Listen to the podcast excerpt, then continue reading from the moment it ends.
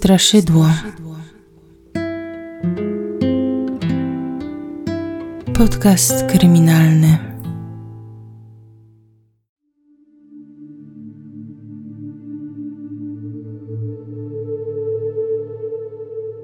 Pod koniec ubiegłego wieku mieszkańcy Bydgoszczy byli świadkami kilku makabrycznych zbrodni. W pewnym momencie po mieście krążyły plotki, jakoby morderstwa były ze sobą powiązane. Na szczęście, oczywiście tylko w pewnym stopniu, okazało się, że po Bydgoszczy nie krąży żaden szaleniec czy seryjny morderca. Dziś chciałabym opowiedzieć Wam pewną historię z tamtego okresu. Myślę o niej od kilku lat, praktycznie od początku tego podcastu. Jest przerażająca. Dlaczego? Odpowiedź na to pytanie zapewne każdy z Was znajdzie po wysłuchaniu tego odcinka. Zachęcam Was do podzielenia się swoją refleksją w sekcji komentarzy pod filmem na YouTubie. Zachęcam Was też do zostawienia symbolicznej łapki w górę, oceny w serwisach streamingowych oraz do zaobserwowania mojego kanału gdziekolwiek mnie słuchacie. Źródła, z których korzystałam, to m.in. magazyn Detektyw, Gazeta Wyborcza, Bydgoszcz Nasze Miasto. Wszystkie linki do wszelakich źródeł znajdziecie w komentarzu. Ze względu na dobro rodziny ofiar, nazwiska zostały zmienione. Nazwisko sprawcy jest publiczne i powszechnie znane, dlatego tu nie wykonałam tego zabiegu. Sprawa, o której dzisiaj opowiem, wydarzyła się dokładnie 12 maja 1999 roku. Ten dzień z pozoru wydawał się być taki, jak każdy inny. Do momentu, gdy w brydzie odnaleziono niepokojący pakunek. Sportowa torba zahaczyła o gęste zarośla rzeki. Tylko dlatego to makabryczne odkrycie ujrzało światło dzienne. Gdyby nie to, Możliwe, że na rozwiązanie sprawy trzeba byłoby czekać wiele tygodni, miesięcy czy lat. Torbę zauważył wędkarz. Kiedy ją otworzył, okazało się, że w środku znajduje się częściowo obnażone ciało. 12 maja 1999 roku o godzinie 14.05 ujawniono zwłoki przy wyspie Młyńskiej w kanale bydgoskim przy ulicy Mennica, przy elektrowni wodnej. Ciało znajduje się w torbie turystycznej na zamek błyskawiczny.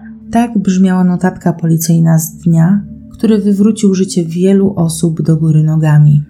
Gdy policja dotarła na miejsce i dokonała szczegółowego przeszukania, okazało się, że zmasakrowane ciało należało do młodej kobiety. W kieszeni bluzy, którą dziewczyna miała nadal na sobie, znajdowała się legitymacja szkolna na nazwisko Dominika Michalska a to nazwisko było już policji znane. Chwilę wcześniej jej rodzice zgłosili zaginięcie. Państwo Michalscy od samego rana byli zaniepokojeni brakiem kontaktu z córką. Nie mogli nigdzie jej znaleźć. Oprócz tego, matka dziewczyny tego dnia odebrała bardzo dziwny telefon. Mamo, ratuj! Usłyszała głos Dominiki. Później tylko huk i przerwane połączenie. Kobieta była wtedy w pracy, czym prędzej zadzwoniła do męża, prosząc, aby pojechał do domu i sprawdził, co dzieje się z ich córką. Jednak gdy pan Stanisław dotarł na ulicę Gdańską, gdzie wtedy mieszkali, nastolatki tam nie było. Pan Michalski zapukał do sąsiadów, z którymi dzielili korytarz. Ich syn widział, jak dziewczyna opuszcza mieszkanie w towarzystwie dwóch koleżanek. Na tym ślad się urywał. Policja rozpoczęła śledztwo, przesłuchania kolegów z klasy, jej bliskich, rodziny oraz sąsiadów. W dniu zaginięcia, a zarazem odnalezienia zwłok, czyli 12 maja, w siódmym LO odbywały się matury. Z tego względu klasa Dominiki miała wybrać się do filharmonii. Były to zajęcia zorganizowane w zastępstwie za lekcje. Część uczniów zrobiła sobie wolne, czyli po prostu wagary. Nikt się za bardzo nie przejmował tymi zarwanymi godzinami, jednak nieobecność Michalskiej była nieco zaskakująca. Pomyśleliśmy, że może umówiła się z kimś na spotkanie, powiedział jeden z kolegów. Funkcjonariusze szukali jakiegoś punktu zaczepienia. Wypytywali, z kim dziewczyna się spotykała, czy była w kimś zakochana. Syn sąsiadów, Jacek Balicki, zeznał. Rano usłyszałem zamykane drzwi i śmiech. Zobaczyłem przez okno, jak Dominika wychodzi. Jakieś trzy tygodnie temu widziałem, jak wpuszcza chłopaka. Jestem w stanie rozpoznać tego mężczyznę. Jacek był tamtego ranka w mieszkaniu i nawet rozmawiał z panem Stanisławem Michalskim, gdy ten szukał córki. Nieco niepokojąca okazała się jednak dla śledczych wypowiedź ojca Jacka, który określił całą sytuację jako fatum. Trzymają się nas tragedie, to musi być jakiś fatum. Trzy lata wcześniej ktoś zamordował naszego chrześniaka Dawida. Nasz syn, a jego kuzyn bardzo tą śmierć przeżył. A teraz Dominisia, nasza sąsiadka. Opowiadał. To zapaliło czerwoną lampkę w głowach śledczych. Sprawa zamordowanego czternastolatka z 1996 roku została umorzona ze względu na brak wykrycia sprawcy. Mieli jednak w swoim archiwum, w aktach sprawy, zabezpieczone dowody. Sprawca zostawił na miejscu między innymi ślady biologiczne. Mimo tego umorzenia, policjanci co jakiś czas wracali do tego morderstwa, ponieważ nie dawało im ono spokoju. Potrzebowali tylko dopasowania, które pojawiło się wraz ze śmiercią Dominiki. Jacek podczas przesłuchania w końcu sam przyznał się do popełnienia obydwu zbrodni. Dwa tygodnie temu przyszła mi do głowy myśl, by zabić Dominikę. Nie wiem, czym to było spowodowane, ale czułem, że wzbiera we mnie agresja. Obmyśliłem, jak dokonam zabójstwa. Zeznał. O Dawidzie powiedział praktycznie to samo.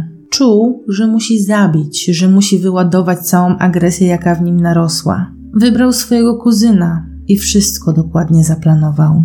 To wydarzyło się niecałe trzy lata wcześniej, tuż po czternastych urodzinach Dawida. 1 października 1996 roku Katarzyna Korzeniowska, starsza siostra Dawida, w okolicach południa wróciła do domu. Od samego początku coś jej nie pasowało. Drzwi były zatrzaśnięte, chociaż mieszkanie miało być w tym czasie puste. Nie umknął jej też y, dywanik nienaturalnie wsunięty pod szafkę. Katarzyna pomyślała, że brat nie poszedł do szkoły. Jednak gdy go nawoływała, nikt jej nie odpowiadał. A gdy weszła dalej, zobaczyła, jak Dawid leży na dywanie na prawym boku. Wszędzie było pełno krwi. Na skroni miał jakby wgniecioną czaszkę. Wokół była krew. Nie wyczułam pulsu. Brat był cały zimny. Pobiegłam do cioci, ale nie zastałam jej. Wracając od niej, zadzwoniłam do sąsiadki. Pobiegła do domu razem ze mną. Jak zobaczyła brata, popłakała się i powiedziała: Ja coś słyszałam. Opisywała Kasia. Okazało się, że sąsiadka słyszała odgłosy, jakby jęki. Słyszała też dziecko wołające boli. Sprawdziła nawet przez balkon, kto tak krzyczy, myśląc, że to bawiące się na podwórku dzieci. Nikogo jednak nie dostrzegła, a krzyki po chwili ucichły. To wtedy Dawid został zamordowany. Kobieta zdała sobie z tego sprawę dopiero, gdy odnaleziono chłopca.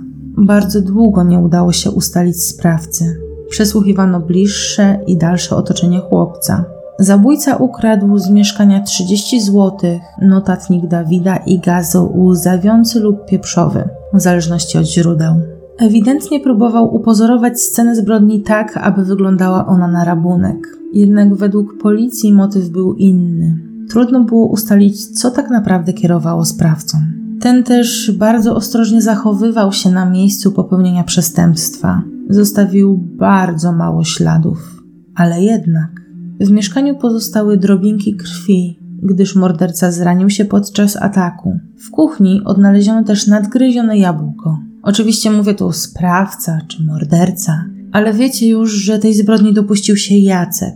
Jak na ironię, był on przesłuchiwany w grudniu, czyli dwa miesiące po śmierci Dawida. Przykuł uwagę śledczych, jednak wtedy nie złamał się, a oni nie mieli przeciwko niemu żadnych twardych dowodów. Nie wiem nic konkretnego o śmierci Dawida. Tyle co z prasy i z telewizji. Ojciec też opowiadał, jak to było, bo odwiedził ich po śmierci Dawida. Ja go bardzo lubiłem i żałuję, że nie żyje. Od czasu, kiedy się przeprowadzili do Fordonu, tylko raz byłem u niego w domu z rodzicami na jakiejś uroczystości. Zeznawał wtedy. Podczas przesłuchania miał być niezwykle spokojny, mimo że znalazł się w krzyżowym ogniu pytań. Trwało to kilka godzin, do późnej nocy. Siedział na komisariacie, próbowali go zmęczyć, ale Jacek nie okazywał żadnych emocji. Pytałem syna, czy jest wplątany w sprawę śmierci Dawida. Odpowiedział, że ma czyste sumienie i niczego się nie boi. Gdy był przesłuchiwany, czekałem na korytarzu. Potem trzy razy pytałem policjantów, czy ma coś wspólnego z tą zbrodnią. Policjant odpowiedział mi, że po tylu godzinach przesłuchania każdy, kto ma coś na sumieniu, przyznałby się do winy. Mówił Jerzy, ojciec Jacka. Śledztwo zostało umorzone krótko po tych zeznaniach. Nie wykonano wtedy ekspertyzy śladów, które zabezpieczono na miejscu masakry. Kilka lat później, gdy Jacek sam przyznał się do zabicia Dawida, opowiedział, jak do tego doszło. 1 października 96 roku w godzinach porannych Jacek pojechał autobusem do Fordonu pod Bydgoszczą. Obecnie Fordon jest dzielnicą miasta. To właśnie tam mieszkali korzeniowscy, czyli jego rodzina. Dawid i Jacek od zawsze byli blisko. Starszy kuzyn imponował Dawidowi. Razem jeździli na wycieczki rowerowe, na wspólne rodzinne wyjazdy. Jacek uczył nastolatka robić szpagat i mieli razem ćwiczyć karate. Kiedy Jacek pojawił się w mieszkaniu korzeniowskich, Dawid szykował się do szkoły. Nie przeczuwając nic, wpuścił kuzyna do środka. Dawid zjadł śniadanie w towarzystwie Jacka. Balicki uśpił tym jego czujność. Zaatakował go dopiero w korytarzu, gdy ten zakładał buty. Wtedy pchnął go nożem, który zabrał ze sobą. Miał przy sobie dwa: nóż komandowski i sprężynowy. Dawid próbował się bronić. Zaczęli się szarpać. W pewnym momencie Jacek pchnął kuzyna na kaloryfer. Zadawał mu cios za ciosem. Jak twierdził sprawca, Dawid miał nie krzyczeć, a jęczeć. Jednak mija się to z zeznaniami sąsiadki, która słyszała dziecięcy głos wołający: Boli, boli. Jacek zeznał, że tylko pierwszy cios był zadany z premedytacją, jeśli tak to w ogóle mogę nazwać. On określił to dosadnie, że czuł jedynie pierwszy cios, a reszta była mechaniczna, ale mnie to wyznanie za bardzo nie leży. Morderstwo Dawida było bardzo brutalne. Jacek przebił mu skroń, dlatego kiedy Kasia odnalazła brata, widziała na jego głowie wgniecenie. Działał z tak dużą siłą i agresją. Zadał mu ciosy innymi w klatkę piersiową, trafiając w serce oraz w brzuch. Kiedy Dawid już nie żył, nożem sprężynowym podciął mu gardło. Zostawił go na podłodze, w miejscu, gdzie później odnalazła go siostra.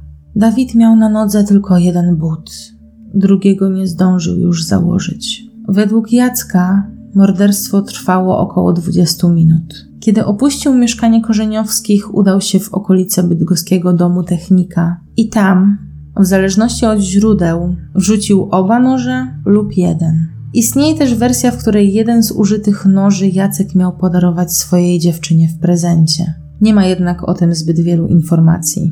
Tego dnia, gdy Balicki wrócił do swojego domu, matka zwróciła uwagę na jego poplamione krwią ubrania. Ten jednak powiedział jej, że z kimś się pobił, a kobieta nie drążyła więcej tematu. Jacek wraz z rodzicami pojawił się na pogrzebie Dawida, a później odwiedzał swoje wujostwo, między innymi kiedy Korzeniowskim urodził się drugi syn. Ciotka Jacka, a matka Dawida zrobiła mu wtedy zdjęcie ze swoim najmłodszym dzieckiem. Kobieta odwiedziła Balickich około rok później. Wtedy Jacek dał mi album ze zdjęciami, na których trzyma mojego Bartusia. Zapytałam, czy kochał Dawidka, ale nic nie odpowiedział. A czy kochasz Bartusia? Tak. Wtedy matka Jacka zaczęła płakać. Powiedziała, że dzieje się z nim coś złego, że będzie trzeba go leczyć. Wspomniała już podczas procesu mama Dawida. Jacek po śmierci kuzyna uciekł z domu. Podobno zabrał ze sobą broń ojca. Nie wiadomo jednak zbyt wiele o tej sytuacji, więc nawet jeśli znajdziecie jakieś informacje, to bardzo okrojone. Po jakimś czasie Jacek rzucił szkołę, wyjechał za granicę i zaciągnął się do Legii Cudzoziemskiej, w której służył przez 8 miesięcy. Wrócił, bo podobno mało zarabiał. Jednak gdy znów zamieszkał z rodzicami, stał się jeszcze trudniejszy. Miał ze sobą problemy. Był wycofany, skryty. Kiedy chodził jeszcze do szkoły i uczył się zawodu cukiernika, znajomi określali go po prostu jako dobrego kolegę. ale żaden z nich nie miał z nim głębszych relacji. Jako cukiernik radził sobie całkiem dobrze. Brał nawet udział w konkursach. I w sumie to tyle, co wiadomo o Balickim z tamtych czasów. No może jeszcze to, że koledzy wiedzieli o tym, że Jacek podcina małym kotkom gardła. Może właśnie dlatego od niego stronili, a określali go jako fajnego od niechcenia. Tak naprawdę ciężko powiedzieć. Wróćmy jednak do dnia, w którym zginęła Dominika. Jacek skrupulatnie przygotowywał się do zamordowania swojej sąsiadki. Na jakiś czas przed tymi wydarzeniami zaczął obserwować nastolatkę i jej rodzinę.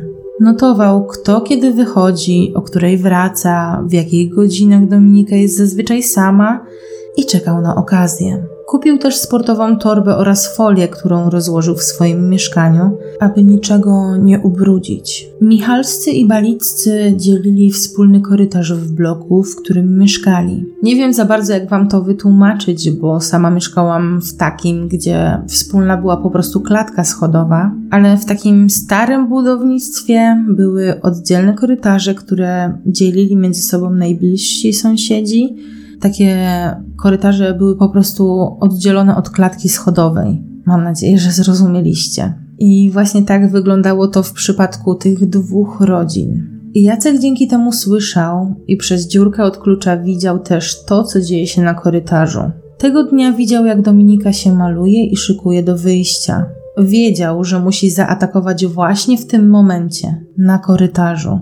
Ruszył na nią stłuczkiem do mięsa, Zadał jej kilka ciosów i wciągnął do swojego mieszkania. Jak już wspomniałam, było ono przygotowane na tą okazję. Jacek wyłożył folię, aby nie ubrudzić podłogi. Dominika straciła przytomność. Wtedy Jacek poszedł do łazienki umyć ręce, bo był poplamiony krwią.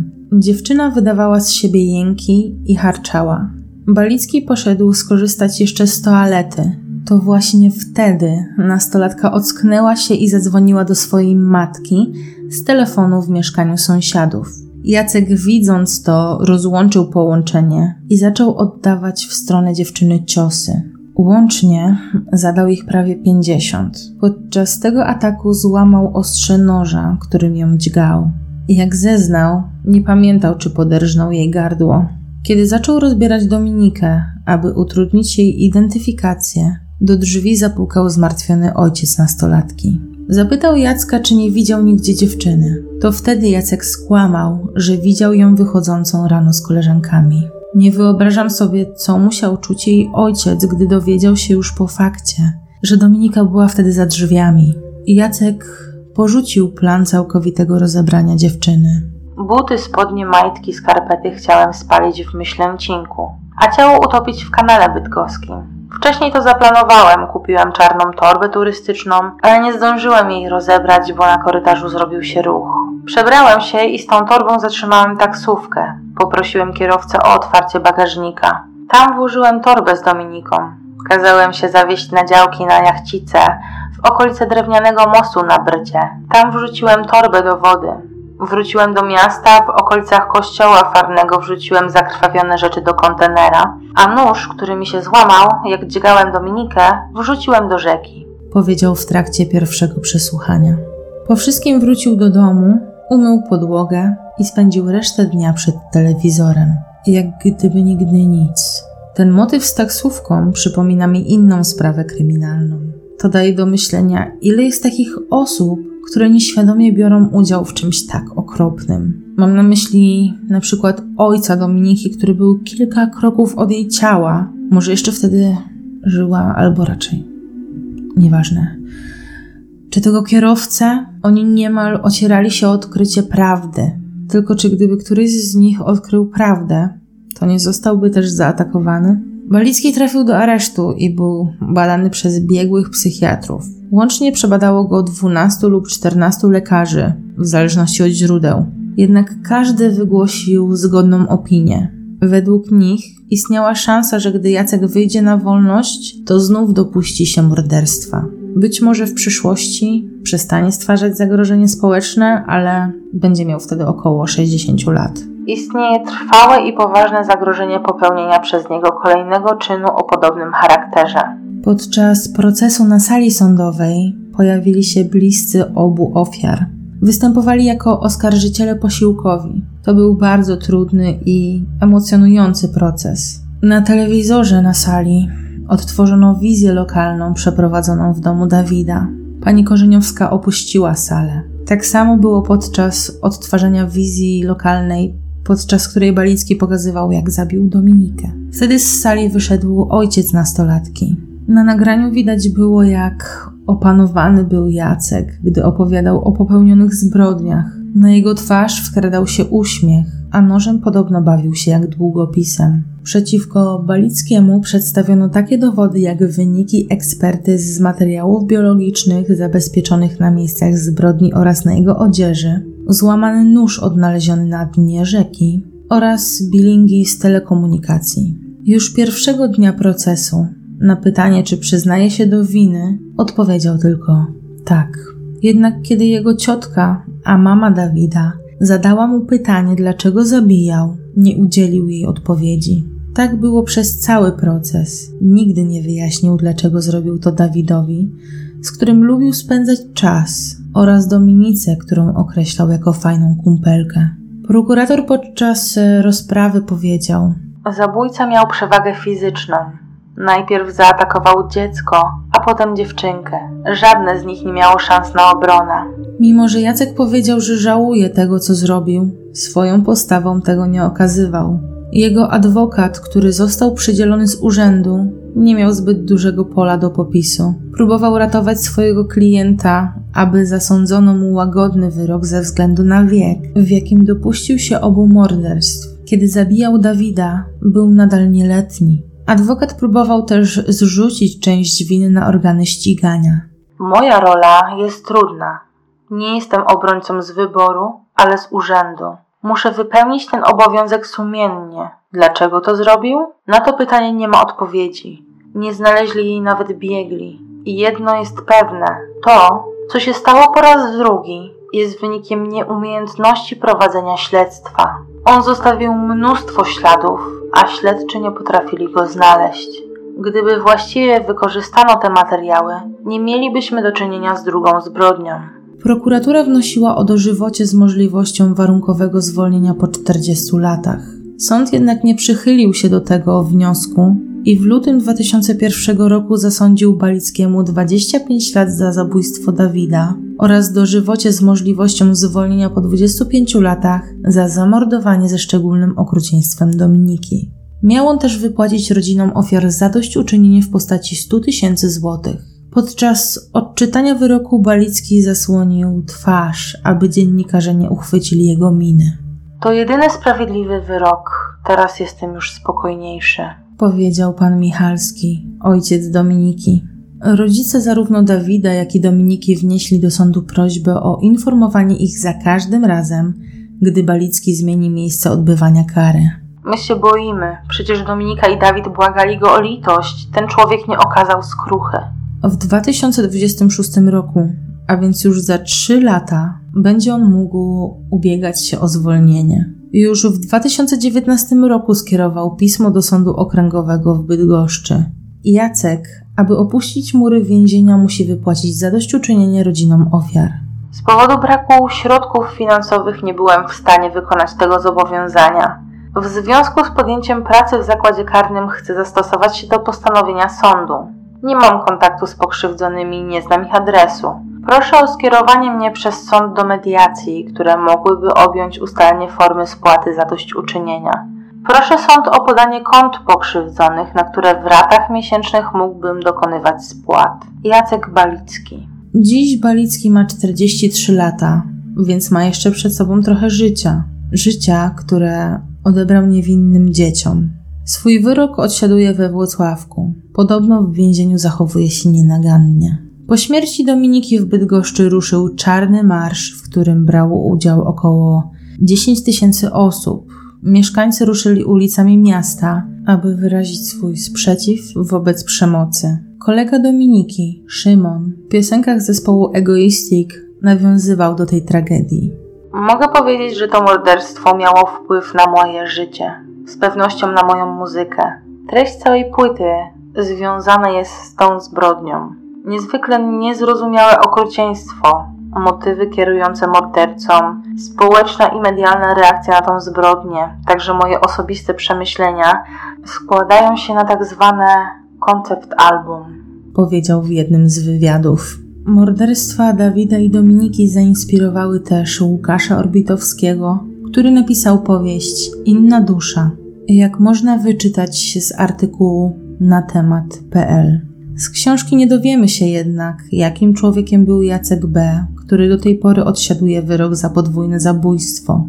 Jędrek to postać fikcyjna, ale jakże znajoma. Zwykły chłopak, grzeczny, uczynny, z dobrego domu. Taki, po którym nikt by się nie spodziewał. A jednak, podobno jeszcze jakiś czas temu ciężko było kupić tę książkę. Ja zamówiłam swój egzemplarz. E, to nie jest treść sponsorowana. E, postaram się dać znać Wam na Instagramie, co o niej sądzę. Oprócz tego TVP2 wyemitował też w 2003 roku dokument Będzie zabijał. Jednak nie mogłam nigdzie znaleźć tego filmu. Jeśli Wam się uda, to podeślijcie mi proszę link. Moi drodzy, to jest już koniec e, tego jakże trudnego odcinka. Dziękuję Wam za to, że wytrwaliście i za to, że czekaliście, bo wiem, że w tym roku jest mnie bardzo mało, ale naprawdę się staram. Jeśli chcecie więcej materiałów takich jak ten, zachęcam do wysłuchania innych moich odcinków. Zachęcam Was do tego, abyście podsyłali mi e, tematy, bo czasami jak coś, że tak powiem, pyknie, to odcinek bardzo szybko mi się pisze, a są takie momenty, gdzie chcę coś nagrać i trochę się z tym męczę i dlatego albo odsuwam coś na później, albo w ogóle do tego nie wracam, albo mielę to przez kilka tygodni. E, zachęcam Was też do zaobserwowania mnie gdziekolwiek słuchacie podcastu, czy to Spotify, czy to YouTube, czy to Apple Podcast, e, Empik. E, zachęcam Was też do czego?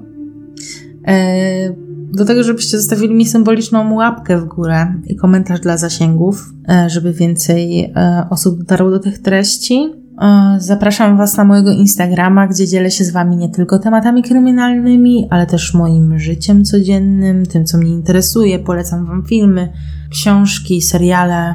I tak, Dziękuję jeszcze raz i do usłyszenia w kolejnym odcinku, mam nadzieję niedługo. Uważajcie na siebie i swoich bliskich każdego dnia i o każdej porze. Pa pa.